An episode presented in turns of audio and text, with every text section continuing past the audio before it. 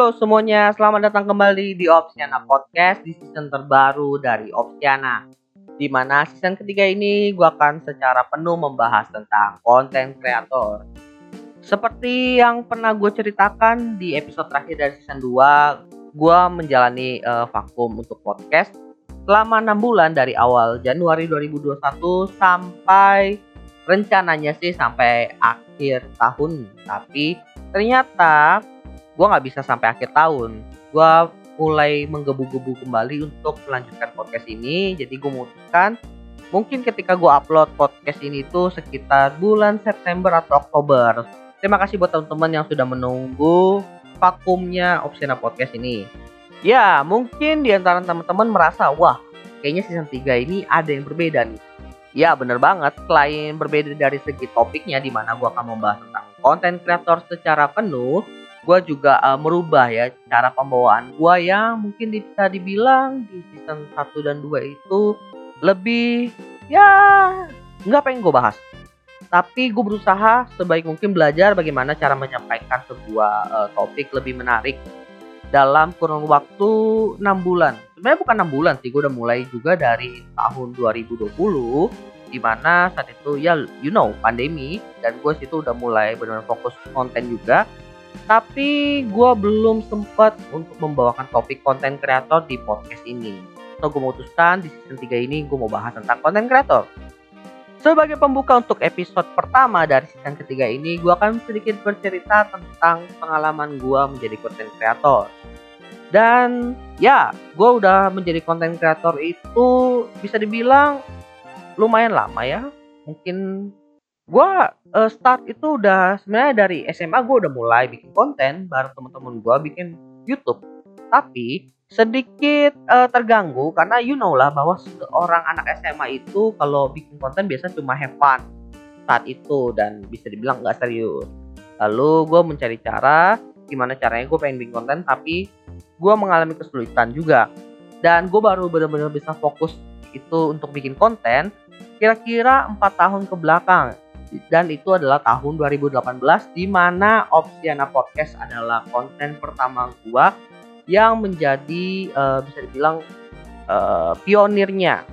Dan bisa dibilang udah bertahan lama udah empat tahun juga. Dan ini adalah konten paling panjang yang pernah gue buat dan paling banyak. Wih minta tepuk tangannya dong.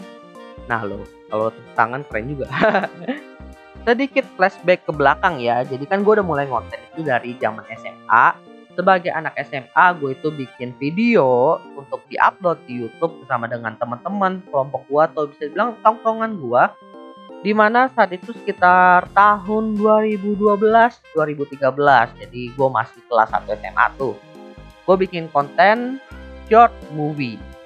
Dan sebenarnya saat itu sih udah lumayan ada beberapa youtuber yang udah bisa dibilang videonya udah gue tonton kayak um, siapa ya? LDP gue juga lupa tahun berapa gue nonton.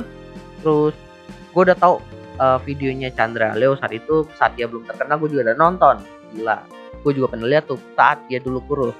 Terus kenapa gue bikin short film? Karena ya saat itu yang booming ya short film. Kita sebagai anak SMA saat itu ya cuma tahu have fun lalu ikutin tren aja. Jadi ya kita bikin short film atau short movie. Dan ya film pendek pertama gue itu film pendek horor. Cuma ya lu you know lah bahwa di zaman SMA itu apa sih yang mereka tahu tentang film horor di tahun 2012 2013 ya paling diculik setan udah kayak gitu. Jadi intinya kalian bisa membayangkan lah film horor apa yang gue buat saat itu. Tapi tenang aja di masa SMA gue itu gue bikin konten bukan cuma buat hepan-hepan semata, tapi ternyata juga membuahkan hasil. Jadi gue pernah ikut lomba bareng teman-teman gue dan yes menang. Ya bisa dibilang agak sombong dikit tapi bodo amat ya. Dan gue ikut lomba itu sekitar SMA kelas 3 di mana itu bisa dibilang setelah gue UN jadi gue memang punya waktu luang cukup banyak sambil menunggu waktu kelulusan akhirnya gue sama temen gue itu memutuskan untuk ikut lomba dan bikin film pendek juga dan menang. Terus lanjut uh, ternyata uh, setelah masuk ke zaman kuliah itu gue dan teman-teman gue itu ya bisa dibilang udah susah buat ngumpul. Akhirnya kita harus jalan masing-masing sendiri. Di mana ada beberapa teman gue yang tetap menekuni bisa dibilang konten kreator tapi formatnya itu bukan konten kreator yang uh, ngupload di YouTube ya. Jadi nerima project bikin video lebih ke situ. Jadi bisa dibilang konsepnya konten kreator saat itu agak beda. Lalu di masa-masa kuliah itu gue nggak sempet konten. Karena bisa dibilang kuliah gue itu cukup padat karena gue ngambil IT sih ya lah orang. Ngambil yang susah-susah ngapain sih? Jadi nggak ada waktu kan? Tapi ya itu juga namanya alasan kan. Dan yang bisa dibilang memperburuk suasana saat itu untuk mulai ngonten adalah gua itu sangat terpaku dengan yang namanya bisnis. Jadi gue pengen banget punya bisnis sendiri. Dan hal itu terjadilah di semester 5 nah semester 5 itu sekitar tahun 2017 atau 2018an itu gue mulai start bisnis. Dan di semester 6 nya akhirnya berarti setengah tahun kemudian di situlah gua memutuskan buat bikin konten. Loh kok lu baru bikin kontennya pas saat itu Win? Nah di sini gue bakal cerita agak pelan ya. Jadi di tahun 2017-2018 gue kan mulai bisnis. Dan gue mulai mencari cara bagaimana gue bisa uh, scalable bisnis gue dan gue mulailah cari di YouTube video-video tentang bisnis. Dan gue ketemu sama videonya Gary V. Di mana saat itu Gary V itu bisa dibilang namanya lagi mulai naik. Lalu gue coba nonton videonya lalu gue berpikir wah kok nih orang bisa begini banget cara ngomong ya kayak gini kayak gini kayak gitu. Agak berbeda dari pebisnis-pebisnis yang pernah gue tonton di YouTube dan di webinar lain begitu yang bisa dibilang karismanya kuat Os itu tenang pembawaannya. Dia itu lebih menggebu-gebu dan bisa dibilang penggunaan kata-katanya agak-agak uh, kasar. Karena unik, gue mencoba mendengarkan apa aja sih advice yang bisa diberikan oleh pebisnis dengan gaya nyentrik ini. Lalu dia bilang, buatlah podcast untuk membantu lu branding. Bukan cuma branding secara personal, tapi branding secara bisnis juga. Lalu gue mikir, podcast. Apa itu podcast? Lalu gue mulailah riset-riset dan ternyata podcast itu adalah semacam uh, siaran audio yang direkam kemudian diupload. Di mana di uh, rekaman audio itu kita membahas sebuah topik atau mungkin ngobrol dengan orang lain. Dan biasanya itu uh, pembawaannya mungkin ada yang bilang saat itu mirip radio lah atau enggak itu siaran radio yang direkam kemudian diupload. Ada yang bilang kayak gitu. Sebenarnya referensi untuk podcast di tahun 2018 itu 2018 awal ya eh, sangat sangat dikit dalam bahasa Indonesia. Dan gue inget banget dulu itu di 2018 yang bikin podcast dalam bahasa Indonesia itu sangat sedikit. Bisa dibilang yang benar-benar punya nama paling ya sekitar hmm, berapa ya? 3 sampai 5 orang. Yang gue ingat jelas saat itu eh, podcastnya Bang Rane, Suarane, lalu podcastnya si Adriano Kalbi sama uh, podcast subjektif. Nah itu yang gue inget ya. Dan gue pas denger, wah keren juga nih mereka pembawaannya. Pokoknya ada gaya uniknya masing-masing gitu. Tapi saat itu gue belum kepikiran buat bikin konten.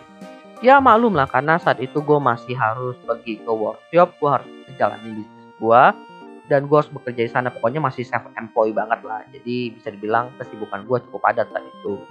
Dan gue mulai mendapatkan kesempatan itu di semester 6 dekat-dekat akhir di mana gue lagi magang. Gue ngomong ke teman gue gue mau magang uh, jadi tolong handle dulu. Gue nggak mungkin nggak bisa bantu secara langsung ke sana gitu nah di situlah gue memanfaatkan waktu gue yang lebih untuk bikin podcast dan bisa dibilang itu masih saat-saatnya naik ya gue bisa dengan bangga dibilang bahwa gue itu adalah salah satu angkatan pertama di mana tren podcast itu lagi booming-boomingnya. Tapi gue juga masuk angkatan pertama yang gagal booming. Iyalah, karena itu adalah konten pertama gue, Opsiana Podcast season 1, gue ngebahas tentang bisnis. Bisa dibilang topik yang cukup berat, tapi toh gue bawainnya dengan santai karena ya gue cuma menceritakan pengalaman yang gue uh, gue lakukan dan gue alami saat itu bisa dibilang. So buat apa gue malu ya? Dan bisa dibilang saat itu belum uh, cukup bukan belum cukup sih bisa dibilang baru naik banget gitu kan uh, podcast. Jadi masih baru-baru banget. Gue nggak perlu mikirin view tuh orang banyak yang belum tahu apa itu podcast Lalu ternyata di tahun 2019 awal itu jadi perubahan besar ya. Jadi gue udah selesai magang dan gue harus skripsi. Nah, ketika gue skripsi itu gue memutuskan untuk lanjut bekerja di kantor gue yang pertama dan gue memutuskan untuk fokus dulu situ. Dan ternyata temen gue juga sepakat kalau begitu ya udah kita end bisnisnya. Nah, gue terpaksa harus berubah topik podcast gue karena bisa dibilang uh, oke okay lah gue masih bisa nge-share sisa-sisa ilmu bisnisnya itu.